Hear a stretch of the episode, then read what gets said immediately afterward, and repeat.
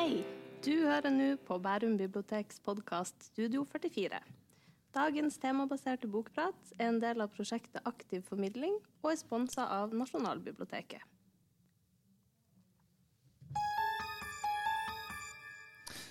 Det var ved ellevetiden om formiddagen, en dag i midten av oktober. Solen skinte ikke, og et kraftig, silende regnslør var synlig mot lysningen ved bergskråningen. Jeg hadde på meg den koboltblå dressen, mørkeblå skjorte, slips og pynterommetørkle. Jeg var velstelt, ren, nybarbert og edru, og jeg følte meg på topp. Jeg var alt hva en velkledd privatdetektiv bør være. Velkommen hit til eh, Bærum bibliotek og til Studio 44. Eh, I dag så skal vi lage en liten påskekrimpodkast. Dere vet hvilke bøker dere kan ha med dere på hytta i påsken. Mitt navn er Lars Petter Sveen. Jeg er spesialbibliotekarer. Og i dag så har jeg med meg spesialbibliotekar Anna Karin Dølen. Hei. Og spesialbibliotekar Monica Blegvad. Hei, hei. Og bare for å starte aller først, leser dere masse krim, damer? Nei, det kan jeg ikke si at jeg gjør. Men jeg leser krim periodevis. Mm. Ja, ganske mye periodevis. Mm. Mm. Ja, jeg leste det veldig mye før, men så slutta jeg, liksom. Ja. Og jeg begynte litt igjen. Har du slutta helt. Eller? Ja, nesten. Ja, Ja. Jeg har det sånn sjøl av og til også, at uh, jeg kan lese veldig mye krim i perioder, og så andre perioder så blir jeg litt sliten av det. Men nå er det påske, og i påsken da skal vi lese krim. Sånn er det bare. Men hva er det som gjør en god krim? Hva er det som skaper en god krim? Og I dag så skal vi prøve å trekke fram liksom, det vi tenker er gode krimmer. Vi skal trekke fram krimbøker som vi liker veldig godt, og det er ikke nødvendigvis at det vi liker veldig godt, er en god krimbok. Og så skal vi si litt kort hva er det som gjør at en bok blir en god krim. Og Det vi kan starte med, at det er kanskje tre ting man ser etter i en krimbok. Det første det er jo plottet. Plottet må liksom være på plass i en krimbok. Funker plottet? Henger det sammen? Henger det på grep? Eh, blir du overraska underveis? Er det, er det realistisk? Er det overnaturlig? Alle sånne ting. Noen liker jo at plottet skal være veldig sånn, overraskende hele tiden. Andre liker at krimbøker skal ikke være så plottbasert. Og det er ofte sånn at hvis man ikke er så opptatt av plottet, så kan man trekke som det andre punktet i krimbukta. Og da snakker vi om karakterene i krimbøker. De gode karakterene. Og vi er jo, der er jo en podkastserie, og vi har hatt bl.a. Linn Ullmann på besøk. Eh, og Hun trakk frem at hun leste krimbøker ut fra karakteren i krimboka. Hun trakk frem da Håkon Nesser. Og det er ganske vanlig, for krimbøker lener seg veldig tungt på karakterene. Det er ikke du hører utover podkasten i dag. Hvem er etterforskeren? Er det politimannen? Er det detektiven? Er det hovedkarakteren? Og hvilke problem eller hvilke ting er det han eller hun sliter med? da? Det kan ofte være bærende for ei krimbok. Um, og er, er, det ubalanserte karakterer? Er det pålitelige eller upålitelige karakterer den faktisk prøver å lure deg som leser? Så da har vi snakka liksom litt om plottet og litt om karakteren. Og så er det en tredje ting som også er ganske viktig i krimbøker, som vi ofte glemmer litt, men som vi får veldig med oss, og det er miljøet i krimboka. Da kan vi si at det handler både om hvor er det boka foregår, foregår den i Norge eller Norden, den nordic noir-bølgen som er blitt så stor i verden. Eller foregår den i USA, Er enn i Frankrike? Er det by, altså storby, eller er ute på landet? Sånne ting betyr veldig mye. Vi sitter jo på biblioteket her, og vi får ofte spørsmål at i dag så vil jeg ha en krimbok som foregår i Australia, f.eks. Eller de sier jeg vil ha en krimbok som foregår liksom litt ute på landet, som er litt sånn hyggelig og koselig. Eh, så miljøet betyr veldig mye, og det som er viktig når man skriver ut et miljø i en krimbok, er at det skal være troverdig. Du må tro på at forfatteren skriver om en storby du bryr deg om, som du, som du tror at forfatteren kan det hun eller han skriver om. Eh, det betyr veldig mye. Da har vi snakka om tre ting. Eh, plott, karakter og miljøet. Og da skal vi begynne å snakke litt om bøkene, krimbøkene. Hvis jeg sparker litt i gang med den hardkokte sjangeren, så trekker jeg fra noen av mine favoritter. Dere har sikkert hørt dere begrepet hardkokt krim. Eh, og da tenker man ofte på en mannlig detektiv. Han har kanskje en frakk på seg, han har en hatt på seg. Eh, og så er han ofte litt alkoholisert. Mye av jobbinga foregår på natta.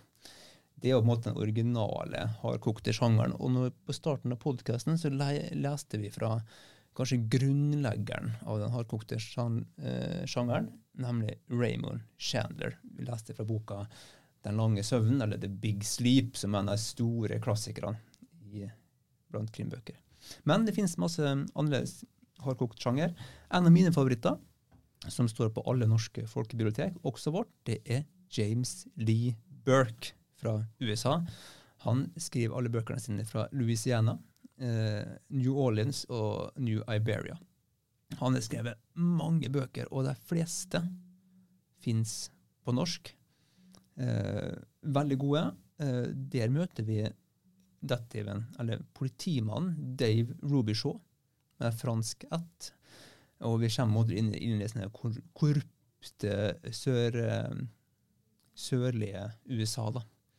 Og Her får vi liksom alt det vi vil ha en hardkokt krim. da. Du får alkoholisme, du får tunge, mystiske ja, plott. Mm, veldig karakterdrevet. Du blir veldig godt kjent med Dave Rubishaw. Eh, men det som skiller James Lee Burke sine bøker ut fra veldig mange andre i krimsjangeren, er at han faktisk skriver veldig godt. James Lee Burke blir sett på som en av de mest litterære forfatterne i i, som skriver krim. da. Og, så Veldig gode bøker, og du kan starte fra starten av i bøkene hans. Eh, Black Sherry Blues er en av de første som er oversatt på norsk. De to første jeg vet ikke om det finnes på norsk, men de er veldig gode, det også. Eh, så kan du faktisk, øh, mens du leser serien, så vil du lese en eh, hovedkarakter som utvikler seg. Han sliter med alkoholisme, han greier å bli rein igjen han får barn, han har diverse forskjellige koner. Så blir han faktisk eldre, tro det eller ei. Vi har en krimhelter som blir eldre gjennom bøkene sine. Og så er det har han det jeg vil påstå er kriminallitteraturens beste partner, Cleat Purcell. En stor, overvektig venn av Dave Rubshaw, som aldri gjør noe fornuftig, men han gjør alltid det rette. Så det. Det var James DeBurke, Veldig gode bøker.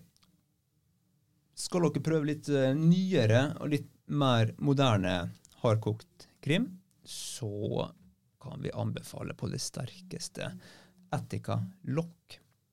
Hun er et ganske nytt navn i krimverden.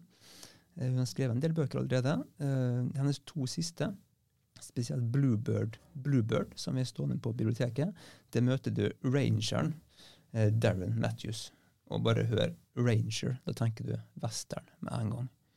Eh, men Attic Lock hun skriver på en måte Hun er noe så liksom relativt uvanlig. Hun er en svart helt i et hvitt miljø. En svart ranger som ofte er liksom i hvite Texas. Eh, og det er krimbøker som tar opp i seg mye rasisme. Veldig dagsaktuelle bøker. Veldig gode. Så sjekk ut Etika Lock hvis dere har lyst til å prøve en litt sånn nyskaper i den hardkokte sjangeren. Men det trenger ikke alltid å være amerikansk. Det kan også være hardkokt fra andre land. Eh, og en sånn moderne klassiker vil jeg påstå, den kom bare for to-tre år siden. Eh, den finnes også i biblioteket. Det er en japansk krim med den litt rare tittelen 64.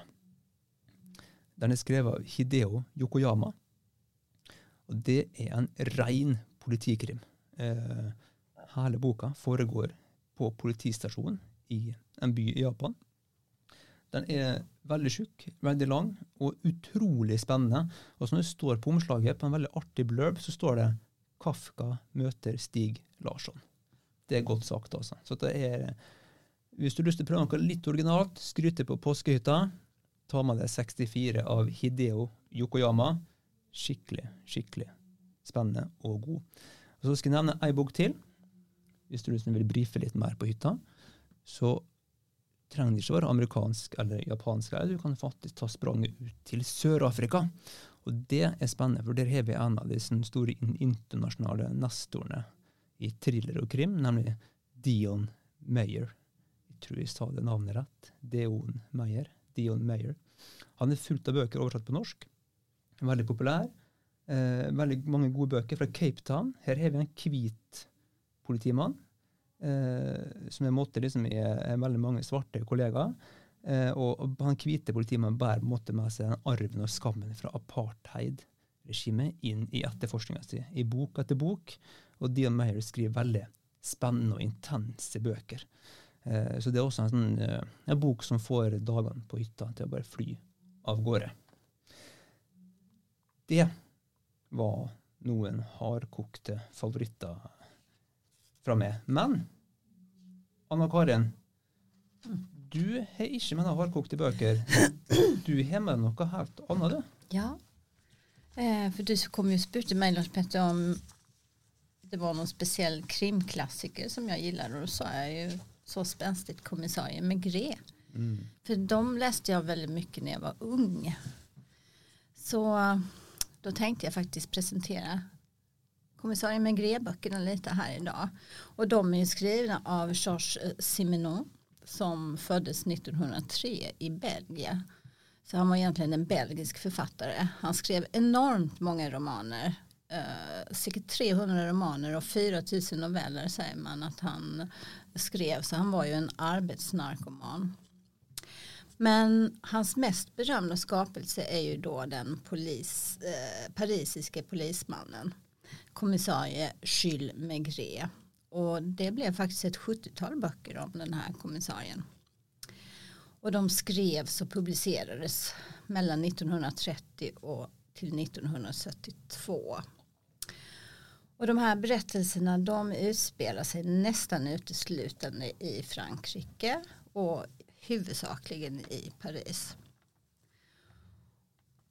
Och då är kommissarie Megre, han är ju omtrent lika gammal som författaren själv. Han eh, föddes någon gång i slutet på 1800-talet, början av 1900-talet. Eh, det är lite olika på vilken bok man läser men omtrent då. Och i hans tidiga år så går polismannen med Gre och eh, då jobbar han som vanlig polis och patrullerar eh, gatorna i Paris. Han patrullerar de stora järnvägsstationerna och de stora varuhusen.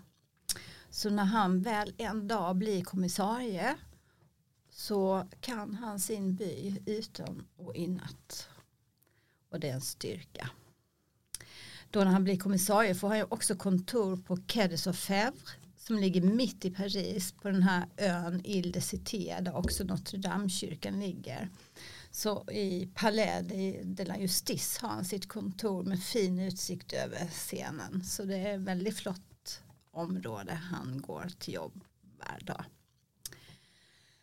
Maigret, han er en storvuxen man, eller han blir i alle fall en storvuxen man i, i löpet av de här böckerna för han är ju väldigt glad i mat och vin. Som kommissarie är han lugn och eftertänksam. Han röker sin pipa, han dricker öl och vin. Han är gift med Madame Maigret, Louise, som står vid hans sida och är en lysande och förstående samtalspartner till honom och hon serverar honom kaffe på sängen och väntar med mat på bordet när han kommer hem efter en lång dag på jobbet. Hon är präktig men också självständig och det är precis sådana kvinnor med Gre tycker om.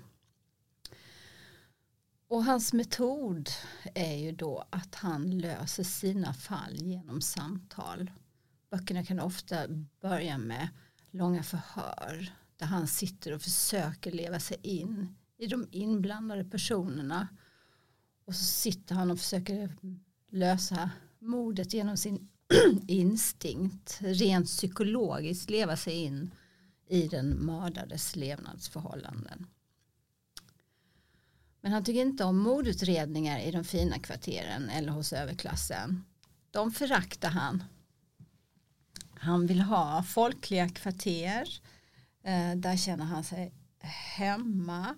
Det ska helst vara gråmulet och det ska vara vardaglig tristess. Grått. Och det är just detta som är Simenons styrka som författare. Det är hans miljöskildringar och det är hans psykologiska miniatyrporträtt.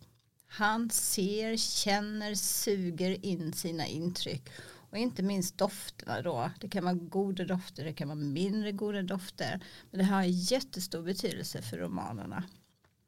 Och likaså vädret har också stor betydelse. Det är ofta grått och surt och fuktigt. Och fuktiga lufter från den här floden Sen då som han kontrasterar med parisisk krogvärme. Det är öl, calvados, det är vin och så är det fransk kokonst, kokonstens härliga dofter. Och så har han ett gott hjärta och känner ibland sympati med sina gärningsmän. Men eh, med författaren så var det faktiskt en helt annan sak. George Simenon var en, visst en riktig skurk. Så, så det är kanske därför han kunde känna sympati med sina gärningsmän. Jag vet inte, men han kunde i alla fall skriva. Så har man lust på en krimklassiker så kan jag absolut rekommendera Maigret-böckerna. Och hvis jeg skal plukke ut et par titler, så har jeg valgt 'Megret gillrar en felle'. Jeg tror den heter 'Megret setter en felle' på norsk. Og så har vi «Megret og den dødsdømte'. Og så håller jeg nu på å lese, for jeg er jo nødt til å lese den eh, om en bok nå innan denne podkasten podcasten å se om han fortsatt håller. Og det gjør han. Det er riktig rolig eh, litteratur. Og den som jeg leser nu det er faktisk den første boken om «Megret som kommissarie. Det var inte den första som Simenon skrev om honom men den första som handlar om Megres första fall och den heter också Megres första fall. Och här möter vi Maigret som nybliven kriminalassistent och redan då visar han på en enorm förmåga att se igenom människor och tåla en eller flera calvados genom utredningen. Nydelig. Vi hadde jo faktisk eh, Christian Clausen, norsk forfatter, på besøk. Og når han skulle liksom si altså en sånn bok han var liksom, liksom guilty pleasure-bok, da, da trakk han fram uh, Maigret-bøkene. Han sa liksom at det var noe av det beste han leste. Og det var akkurat det du snakka om, da, de miljøskildringene. Mm. Han likte så godt. Mm. Mm. Ja, det er mye å hente der. Mm. hvis visst man er til tycker om Paris och vill känna igen sig och promenera längs parisiske gator och dricka god mat eller äta god mat och dricka vin så är det de böckerna. Og det kan jo hende faktisk noen gjør, eh, eller skal gjøre, i påsken, kanskje. Og mm, hvilken bedre bok å ta med seg til Paris enn Maigret-bøkene. Monica, jeg gir litt ordet til deg også nå. Eh, hvilke bøker har du med deg eh, i studio? Eh, Jeg har også tatt med en klassiker. Det er 'Hendelser ved vann' av Kjerstin Ekman. Det er ikke egentlig en krim, eh, men eh, kanskje. Men eh, den har veldig mye av det samme, de samme elementene. da. Uhyggestemning eh, og drap. Mord. Eh, veldig mye spenning. Ja, jeg kan si litt om den, da. Mm. Det, det, Eh, det vel ganske, den, har vunnet masse priser, Nordisk råd og sånn. sant? Det er en høylitterær Ja. bok. Det er det. Eh, Kjerstin Ekman er jo svensk. Hun har eh, skrevet utrolig mange bøker. Hun er 88 år gammel nå. Eh, og hun fikk Nordisk råds litteraturpris for denne boken. Eh, og er veldig prisbelønt eh, generelt. Hun har kommet med en ny bok i fjor, som også er nominert til Nordisk råds litteraturpris. 'Løpe av varg' heter den. Høres også veldig spennende ut. Men denne her, eh, 'Hendelser ved vann'. Eh, handlingen er lagt til et landlig miljø i Nord-Sverige. Og der følger vi noen av innbyggerne en sommer på 70-tallet. Eh, der et ungt turistpar blir funnet drept i et telt ved et vann som heter Svartvatnet.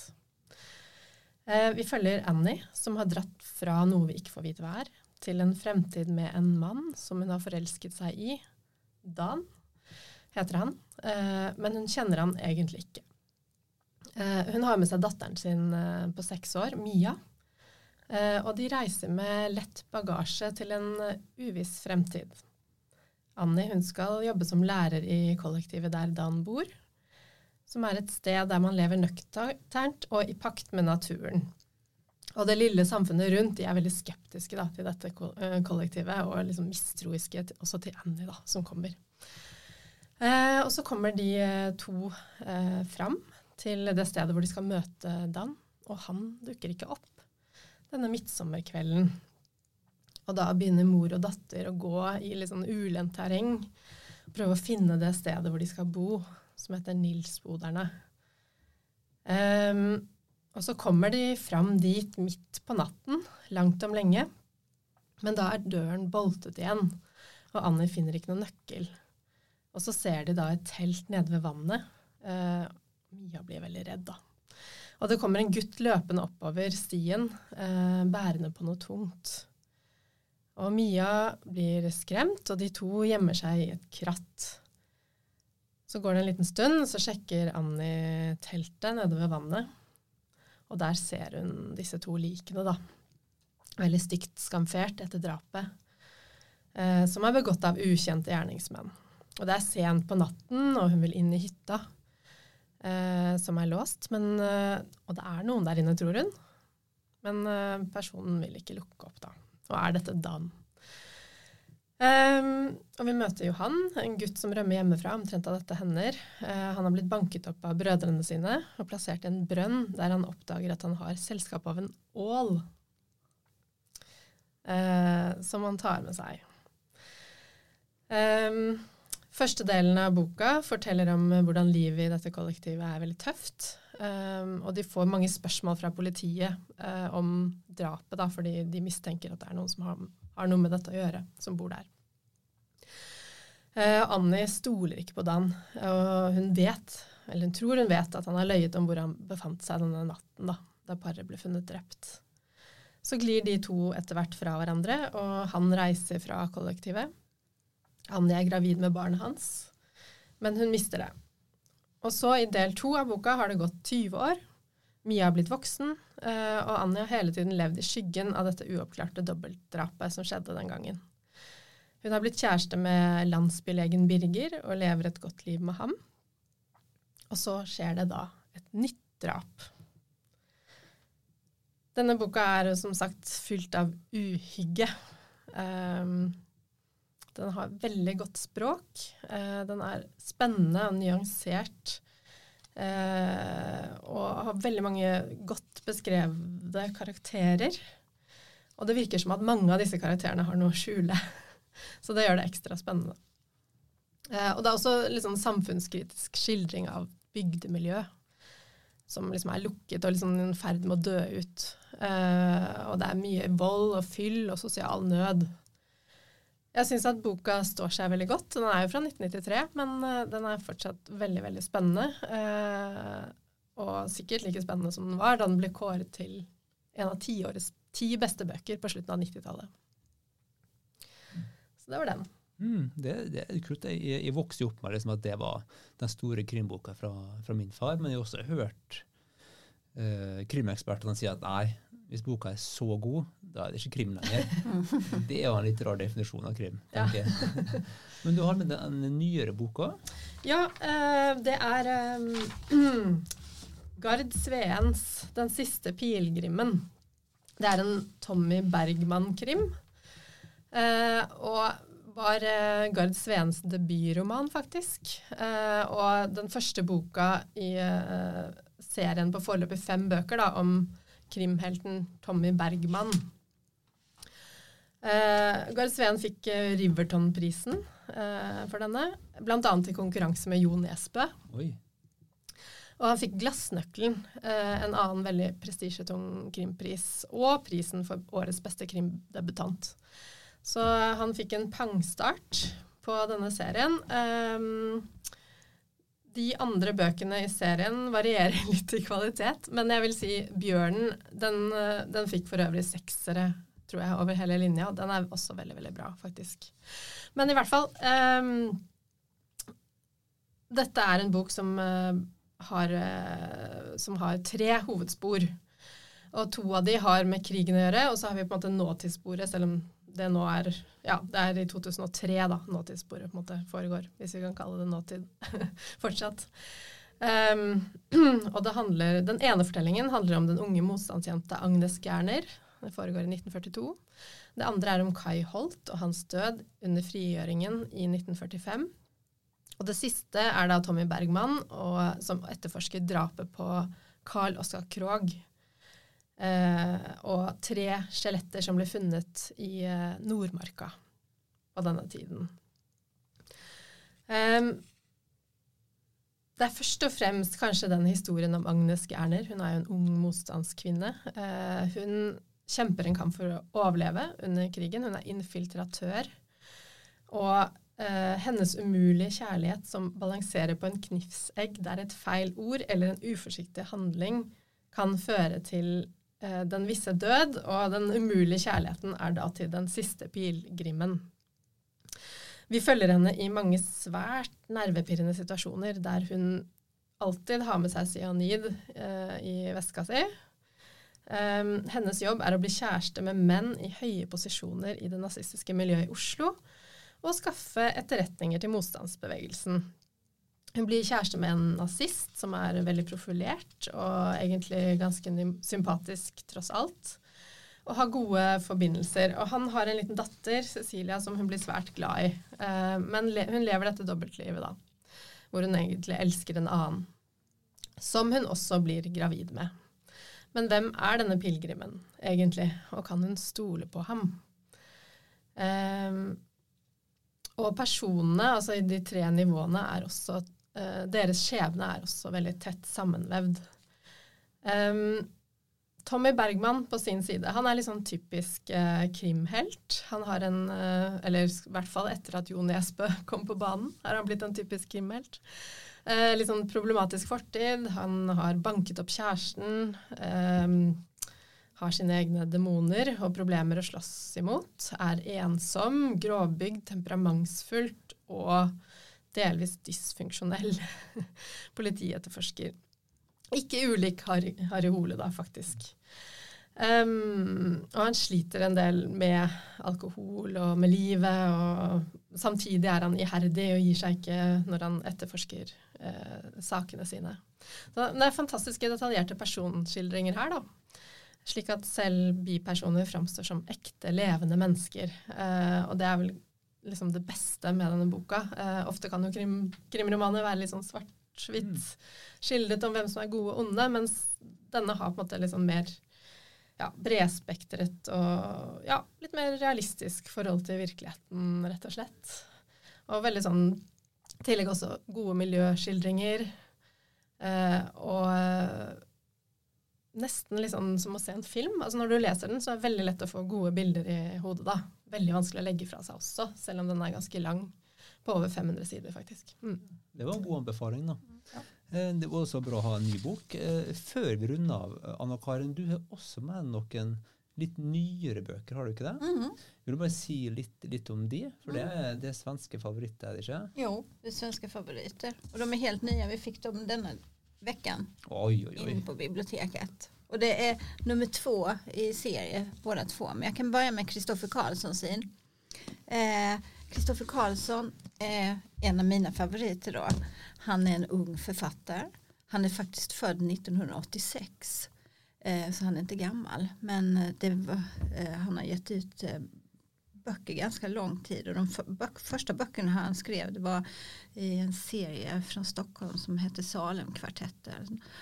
Eh, kvartetten som han fikk veldig mye omtale om. Eh, så det var det som gjorde hans gjennombrudd da.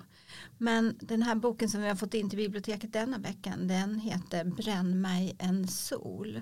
Og det er bok nummer två i hans nye serie som han har kalt Hallandssviten. Eh, och som også utspiller seg i forfatterens hemtrakter Halland i landskapet Halland i Sverige. Eh, jeg kan nevne litt om den første boken i denne eh, sviten. Den heter 'Jærtegn', og jeg tror den kom ut på norsk 2020 eller 2019. Den utspiller seg 1994 og da er det et mord som begås i Marbäcksskogen i Halland då. Og man griper veldig raskt den mistenkte, og han blir satt i fengsel og får sona og alt ställs til rette. Men dette mordet gir liksom ringverkningar i hela bygda så det lever kvar.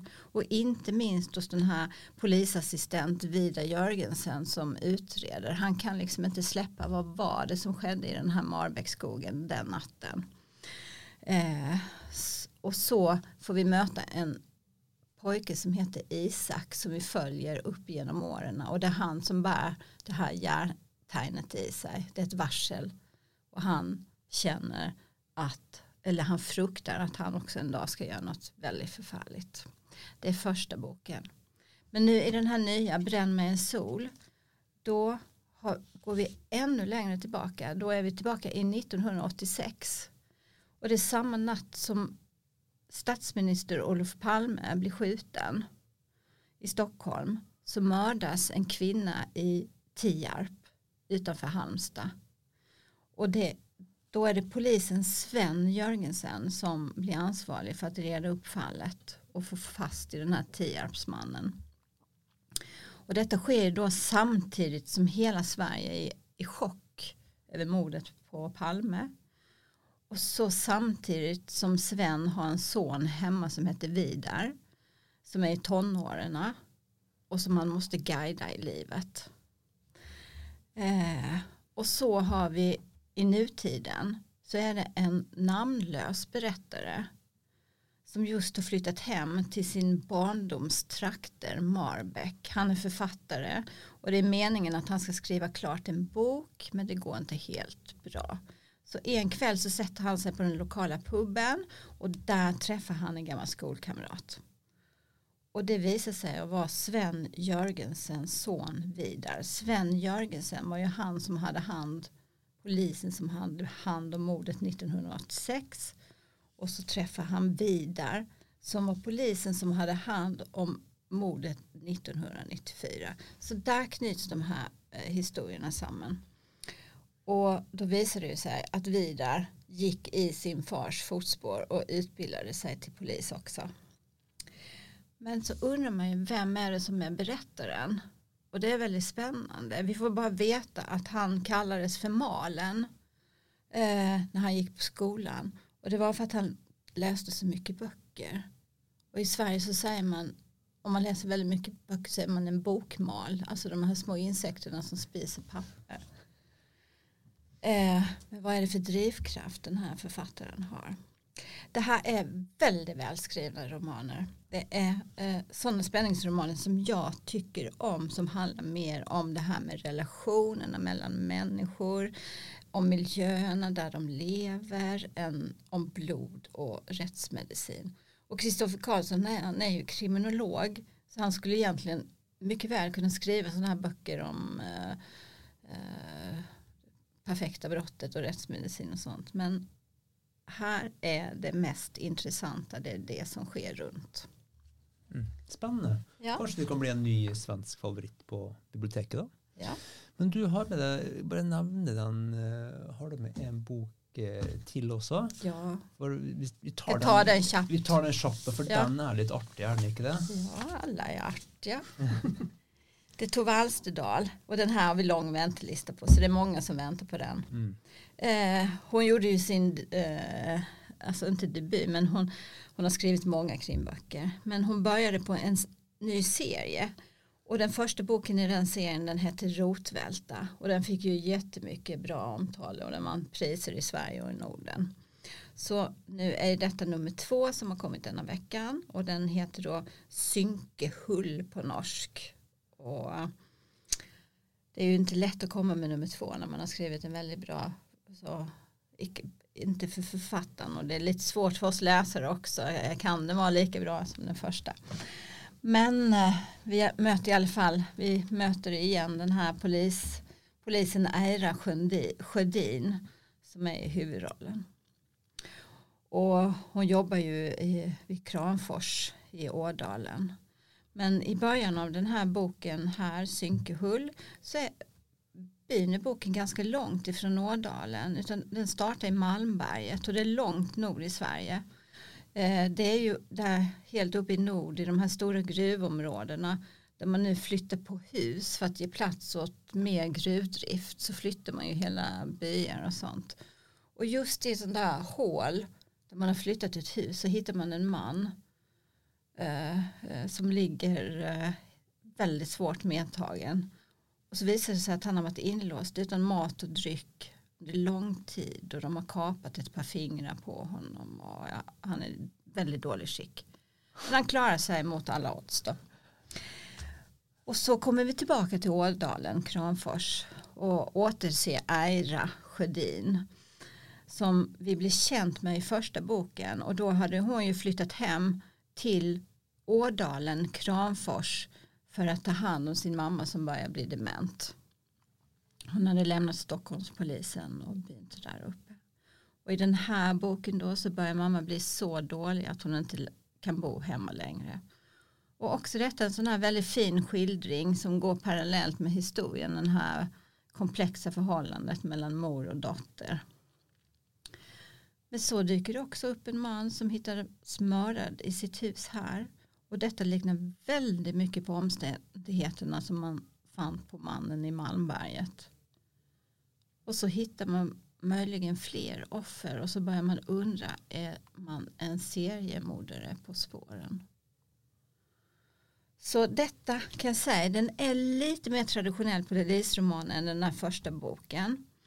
Men också i den här så skriver hon väldigt fina och detaljrika ådalsmiljöer. Och det är också då, eh, detta är också deckarböcker som inte bara handlar om brotten.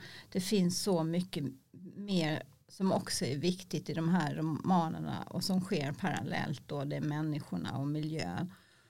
Och inte minst så väver Tove Alsterdal in sådana här viktiga sam, samhällsfrågor om glesbygdens villkor, eh, rädsla för det främmande, flockmentalitet. Små skarpsynta detaljer som bygger upp historien till något större. Så man känner sig faktiskt lite klokare när man har läst. Det er, det er alt man kan be om av Ja. en krimbok, er det ikke? Jo. Vet du hva? Eh, dere som hører på, dere hører på en podkast fra Bærum bibliotek. Vi er i Studio 44, og vi har laga en podkast om påskekrim. Og vi har gått gjennom veldig mye her. Vi har gått en amerikansk, japansk, sørafrikansk og ikke minst nordisk med norsk og svensk krim. Nå tror vi skal runde av. Eh, alle bøkene vi har snakka om, som i Lars Petter snakka om, og som Anna Karin og Monica snakka om, de finner dere på biblioteket. Så husk, før dere drar på påskeferie, kom inn i biblioteket, fyll opp sekken, kofferten eller veska med krimbøker, for det kan du ikke få nok av i påskeferien. Takk for oss.